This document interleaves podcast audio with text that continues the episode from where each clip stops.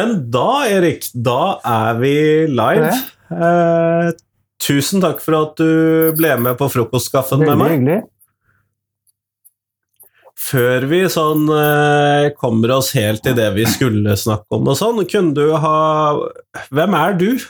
For de som ikke kjenner deg, da jeg mistenker at en del gjør det. Jeg syns alltid det er moro å si 'hei, jeg heter Erik og er borgerlig konfirmert'. Det viser jo at Det viser jo at jeg har vært eh, med på og vært interessert i dette her ganske lenge. Så det var jo første Det har du, da.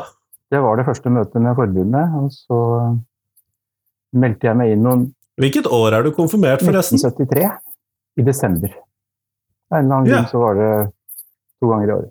Det var ikke så mange, men dette var i Oslo rådhus, faktisk. Og jeg har hatt Christian Horn som konfirmasjonslærer. Det visste jeg ikke, så gøy. Men fortsett der vi er avbrøt. så, så meldte jeg meg inn og begynte å bli aktiv eh, Ja, hva var det? Det var rundt 1980-84, kanskje. Jeg var med på å starte lokallag og har i grunnen vært aktiv i styret og stell siden det. Forskjellige steder. Um, og jeg har da vært gravferdstaler i ja, det blir det? 25 år? 30 år? Bortimot. Og vigsler siden vi fikk vigselsrett. Så Så en veteran på mange områder. ja, vi får si det. Uh, nei, men, uh, hvordan er For du reiser jo en del, du holder en del både vigsler og gravferder. og eh, Litt generelt, hvordan syns du det er? Fordi jeg har jo nå tenkt til å eh, gå på vigselkurs og sånn, og er jo da førstereisgutt en eller annen gang litt inn i fremtiden, men hvordan er dette her? Det er jo det mest meningsfylte jeg gjør. Kanskje ikke, ikke bare i hest, men kanskje egentlig i det meste. Og det er jo den følelsen av å kunne hjelpe og være med på de store situasjonene i livet. Eh, både i glede over å vie et par, og det å kunne være med på å gjøre det siste til noe du som faktisk kan bli en god stund, selv om du har alle disse Du har sorg og du har savn og alt dette, men jeg vil gjerne være med på å gjøre til og med den bisettelsen til noe du faktisk kan tenke tilbake på og si at dette ble bra. Ja, det er jo en Tidvis vil jeg tro at det kan være et litt hårete mål, og andre ganger ganske lett å oppnå. Og alltid viktig å prøve å ha som målsetning, tenker jeg. Det er klart det er, det er mange utfordringer, og det er jo Jeg vil ikke si enkelt, men det er enklere å skulle holde en tale for en gammel, kjær tante som ble 93 år, ikke sant, og som har hatt et fint liv og egentlig ble da ferdig med livet. Utfordringene dukker jo opp når eh, det er yngre folk, og det er eh, Det kan være selvvalgt, og det kan være livsstil, og det kan være mange ting som skjer. Så man blir jo Man må jo være litt jeg holdt å si, både terapeut og diplomat for å hjelpe folk til at dette skal bli så bra som mulig. Uansett hvor, hvordan det er i begynnelsen. Hvordan var det egentlig å bli hivd uti dette første gangen, da, når du har holdt på med dette såpass lenge som du har gjort det? Husker du det? Ja, jeg gjør det. Jeg fikk jo på en måte både en tøff og en myk start, rett og slett fordi det første jeg gjorde, var å holde tale i bisettelsen til eh, barnet mitt. Jeg visste at barnet krybbedød. Og var, tanken var at det er ingen andre som kan si det jeg føler, så jeg gjorde det selv. Og da i etterkant har jeg tenkt at uh, hvis jeg kan hjelpe noen i en lignende situasjon, så ok, jeg kan, jeg kan stille. Så jeg hadde et par oppdrag som egentlig var lette, fordi det ikke var noen utfordringer rundt ja, skal si noe liv og levnet. Så de første møtene med pårørende og det å stå i et kapell, det, det var så håndterbart at jeg never looked back, for å si det sånn. Det skjønner jeg jo da. Jeg må jo innrømme det at den første du fortalte om, eh, din, eh, den bisettelsen som du fortalte om først, den vet ikke jeg om jeg hadde klart å holde. Jeg er jo glad for at det ga At det var riktig da, Mm. for deg, og at du eh, fant ut at dette var noe du også kunne bidra med for andre. Det er jeg jo glad for.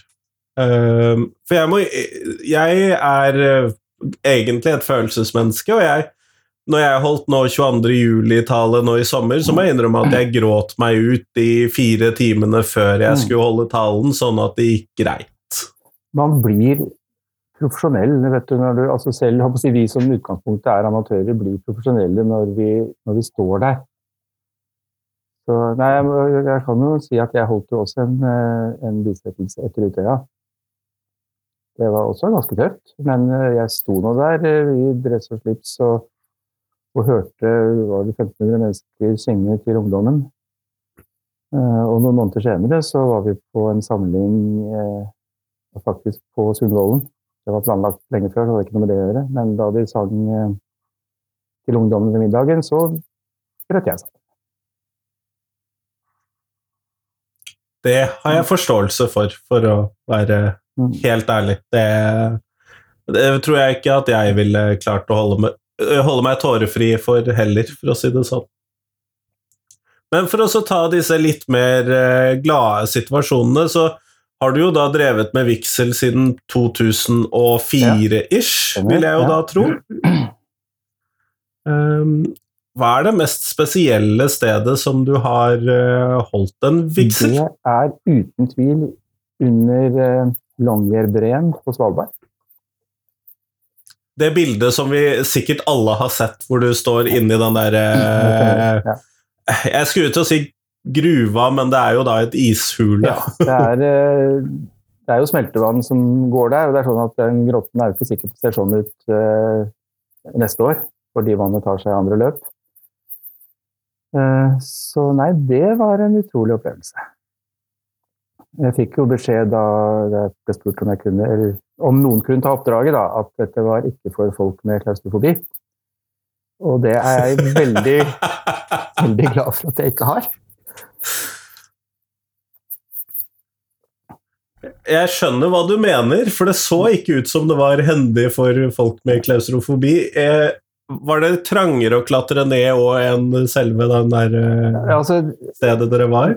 Kan si sånn, vi, kom, vi kjørte snøscooter opp til Breen, og sånn, stoppet vi omtrent midt på. Her er det. Var han, vi oss rundt, der det var det her, og der var det, forestill deg et sånt lite hundehus, type, type Snoopy.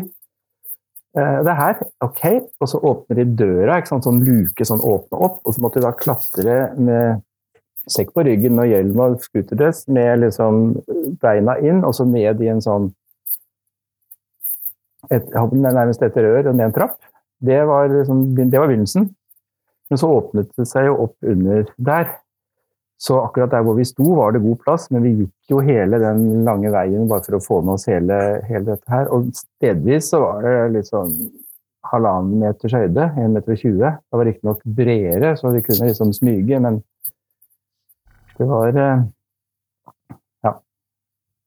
Det var spesielt. Og for de som har sett oss to sammen, eh, Erik Jeg er jo en ganske mye større mann eh, enn deg. Jeg tror at dette hadde ikke jeg klart. Nei, er, kanskje ikke. Eh, jeg, tror, jeg er ikke veldig klaustrofobisk, men jeg tror det hadde slått til. Men det må jo ha vært en utrolig fin opplevelse når du da var kommet inn dit og sto der det, det sammen det. det med ble, altså, dette her var jo også utsatt i et år, selvfølgelig, pga. ting som slutter på 19.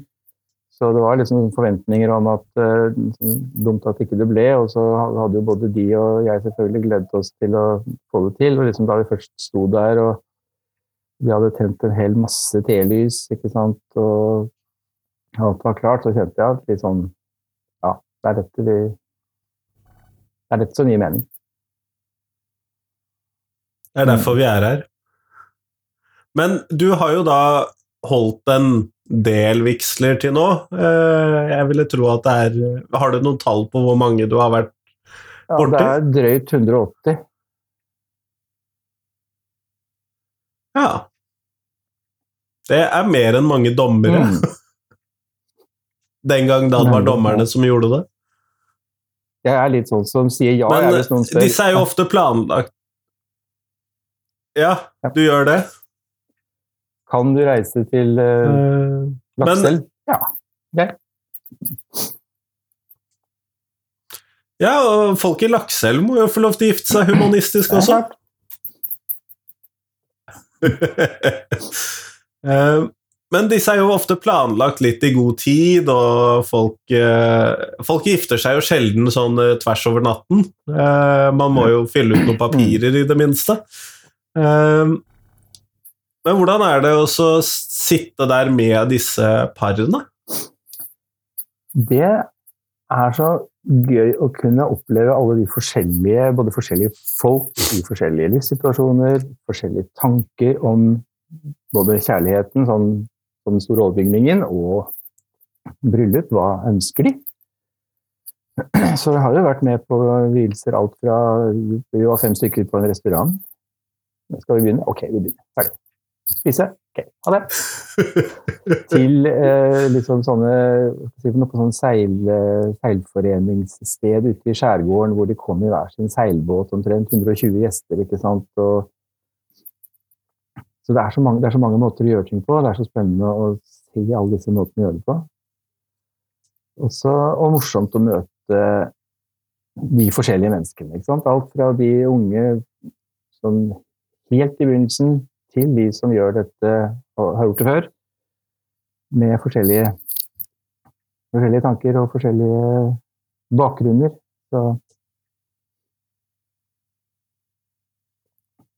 Jeg vil tro at det er mange fine samtaler, og sikkert noen tårer underveis i disse samtalene også. det hender det dukker opp en, eh, noen følelser hos parene, ja. Jeg prøver jo å ikke bare snakke sånn praktisk hvor skal vi stå, hvor skal dere stå, og hva gjør vi sånn og sånn, men liksom, når jeg ser dem litt sånn dypt inn i øynene og sier ja, vil de beskrive hverandre? Da blir det jo litt sånn Oi. Og så er det så gøy med de forskjellige reaksjonene. For noen er jo sånn Ja, men han er Og så er det andre som er mer sånn Ja, ja, men nei jeg, liksom. Så da gjelder det å få lokket ut av dem noen, noen gode poenger da, til talen. Ja, og jeg må innrømme det at jeg har jo selv giftet meg eh, med en humanistisk vigsel, og selv jeg var ikke forberedt på det der beskrivelsesspørsmålet, selv om jeg visste jo at det ville antagelig komme noe à la det, fordi at talen skal jo handle om oss og Mm. ikke om et eller annet større og abstrakt, sånn at det, jeg var ikke forberedt på akkurat det spørsmålet, selv om jeg burde visst at det var der. Det er da det er best, tenker jeg, når ikke man er forberedt. Jeg vet at det er noen vigslere som sender, sender spørsmål til parene på mail, og så sånn, må du fylle ut selv, men jeg syns det er mye mer spennende å sånn, ta det der og da. For det, jeg syns ofte jeg lærer mer av måten de kommuniserer på, enn direkte hva de sier.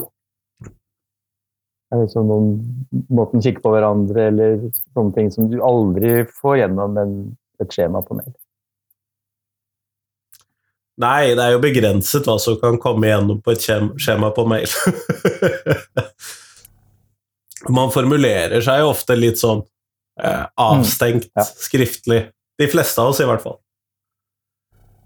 Men hvordan er det også å finne ut av musikken? Du er jo en relativt musikalsk type, sånn at jeg mistenker jo at ditt repertoar til å komme på sanger er større enn mitt, men jeg må innrømme at jeg syns det var litt vanskelig, det å finne Mm. musikk. Ja, noen har jo bestemt seg sånn på forhånd, dette skal vi ha. Andre er sånn, sånn må vi ha musikk? Og da sier jeg ja, det må vi.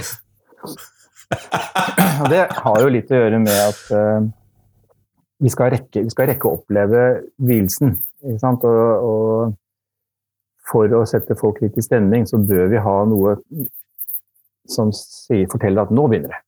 Nå er det høytidelig. Og da sier jeg at det bør ikke nødvendigvis være klassisk eller Mendelssohn, men en eller annen som får deg til å rette ryggen og tenke at nå skjer det noe. Og så er det jo gjerne greit å ha litt romantikk inni det også, så jeg ber dem ofte om å velge sånn, hva er deres sang, eller er det noe sånn musikk som betyr noe spesielt for dere, som vi kan ha inni vielsen, da. Så folk får tid til å liksom høre litt på den og tørke litt og sånn.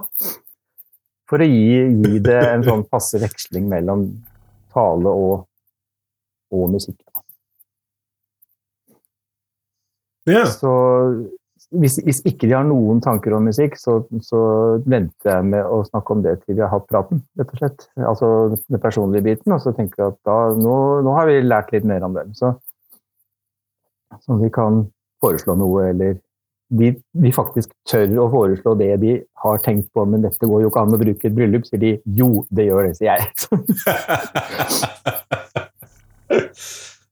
ja, eh, jeg ville jo tro at eh, man er vant til at det skal være en sånn innmarsj, og så skal det være noe sånn Veldig mange har jo sikkert vært i et kirkelig bryllup og dermed fått med seg en eller annen salme som er sikkert vanlig å ha, og da er det sikkert vanskelig å tenke seg en eller annen rockesang eller popsang eller et eller annet som skal gjøre jobben isteden. Men det funker så utrolig bra. Så, altså det er klart, Jeg er jo over gjennomsnitt opptatt av tekst, så det er jo sanger som jeg sier, vet du, jeg tror kanskje ikke den kan brukes. Det bør jo være noe sånn si, kjærlighetsrelatert og, og, kjærlighet på en god måte, da. Men, men liksom, altså, musikksjanger, så er jo det meste er jo egentlig mulig. Og hvis de vil ta den ut, så er det liksom er det Happy den heter den de spiller når de er ferdig. Det er en låt For rett og slett markere at nå, nå er det alvorlig over, og nå begynner festen. Ja, og den egner seg jo for den. Det, det, Mm. det må jeg innrømme, det er jeg enig i. Eh, Men det er jo en del av disse her, eh, litt sånn eh, romantiske slagerne som har gått på radioen i årevis, og som sikkert folk har et eller annet minne fra, som egentlig, hvis du ser innerst inne på det, handler om en eller annen form for stalking eller uh, den typen ting, som sikkert man ikke tenker over at uh, er uh, uheldig før det er nok etterpå. Noen, Eller før du tekster som beveger seg litt i metoo-land. Og så har du jo den fantastisk vakre 'Sommernatt ved fjorden', ikke sant? som handler om utroskap. Kan ikke bruke den. Kan ikke bruke den. Og litt uheldig å ha i bryllup. Instrumentalt går bra. Jeg har vært i bryllup hvor den har vært instrumental. Ja. Det er jo noe annet. Eh, Men når, eh, når man skal planlegge noe sånt som dette, er det eh, Er det mye forventninger som eh, du må håndtere? Fordi at det ser jeg jo litt på som en eh, sånn fremtidig utfordring for meg selv. Da. Alle disse forventningene. Ja, tenker du til øh, Tenker du nå til livet, eller tenker du til, oss? Til hvordan et bryllup Nei, nå tenkte jeg egentlig mer på til hvordan en vigsel er, da. Fra Mm. parene. Ja, det er jo mange da som sier som, Som som ikke har tenkt uh, noe på innhold, annet enn at de vil ha de vil ha noe som ikke er kirkelig, og de vil, vil jo selvfølgelig at det skal bli bra, men de har liksom ingen tanker om det. Så, og det er der vi lærer jo mye på de kursene våre, rett og slett med ut fra den erfaringen vi har. Hva er det som kan funke? Hva er det som gjør det verdig, høytidelig og samtidig personlig? Ja, det er så mye, sånn, det er så mye sånne smådetaljer som jeg pleier å si til dere at når dere, når dere kommer opp jeg, jeg prøver jo å be dem om å komme opp de to sammen. Ikke sant? Det, med far er litt utdatert i 2022, tenker jeg. Men ikke sant? Så sånn, gå sakte. Gå sakte. Dere har fryktelig god tid. Det er bare det å liksom ta seg tid til å skride opp. Da har du allerede fått gåsehuden ikke sant, når du ser dem, istedenfor at de skal komme løpende og ha dårlig tid og liksom sånne ting de ikke tenker på. Men dette vet vi, ikke sant? Småting som gjør at det blir, det blir bra. Og da er det ikke, er det ikke så viktig om det er Hal Williams eller Mendelssohn som har laga musikken. Liksom. Nei, og det er jo ingen tvil, de gjestene som er der og ser på, de har jo ikke noe bedre de skal drive med på akkurat den tiden. Mest sannsynlig. Eh, Men jeg husker det, jeg syns det var skikkelig vanskelig. Det er litt det samme som når man skal følge konfirmanter opp og ned på scenen og sånn. Eh, Det er skikkelig vanskelig å holde den der gangarten sakte og verdig. Det er, det er en utfordring, men jeg sier det flere ganger. Gå sakte. Gå sakte. Gå sakte. Drøy. Vent. Når musikken begynner, så står du litt Gi dem litt sånn suspens, ikke sant? Forventning. Kommer det snart? Kommer det snart? Og når du da kommer, så er liksom Da er, det, da er vi i gang. og da har tårekanalen til svigermor har begynt å renne allerede. Jeg ser, Ja. jeg står der oppe ved talerstolen, eller hvor jeg nå så en, og ser de famler etter disse små Kleenex-pakkene sine. ja. Uh, men har du noe sånt sted som du virkelig kunne tenke deg å gjennomføre en vigselseremoni som du ennå ikke liksom har fått brukt som eh, lokale? Det har jeg ikke forberedt deg på som spørsmål, så det er muligens Nei, litt slemt, altså jeg men eh, kan, kan jo svare med at egentlig så hadde jeg da i, i forfjor blir vel det, planer om å sette to rekorder. Og det ene var altså breddegrad Ja. 79. Altså for meg, 71 grader nord blir bare der nede, ikke sant? 79 grader, og det er Svalbard. Der har jeg vært. Den Ja, ja. andre rekorden jeg egentlig skulle sette i løpet av samme måned, var 1883 meter. Nå, nå ser du, nå ser du det er et fjell, hører jeg. Det er Gaust... Ja, og det, det, dette Nei, det klarer jeg. Og dit, Selvfølgelig dit, er det Gaustad. Dit skal jeg nå om ikke. Den ble utsatt Ja. i to år, men det blir nå. Hvordan er det? Er det heis opp til Gaustatoppen nå, eller er det fjellet. ikke det? Jeg er litt spent på den. Det vel, jeg har hørt at den heller ikke er for folk med klaustrofobi, men jeg føler at nå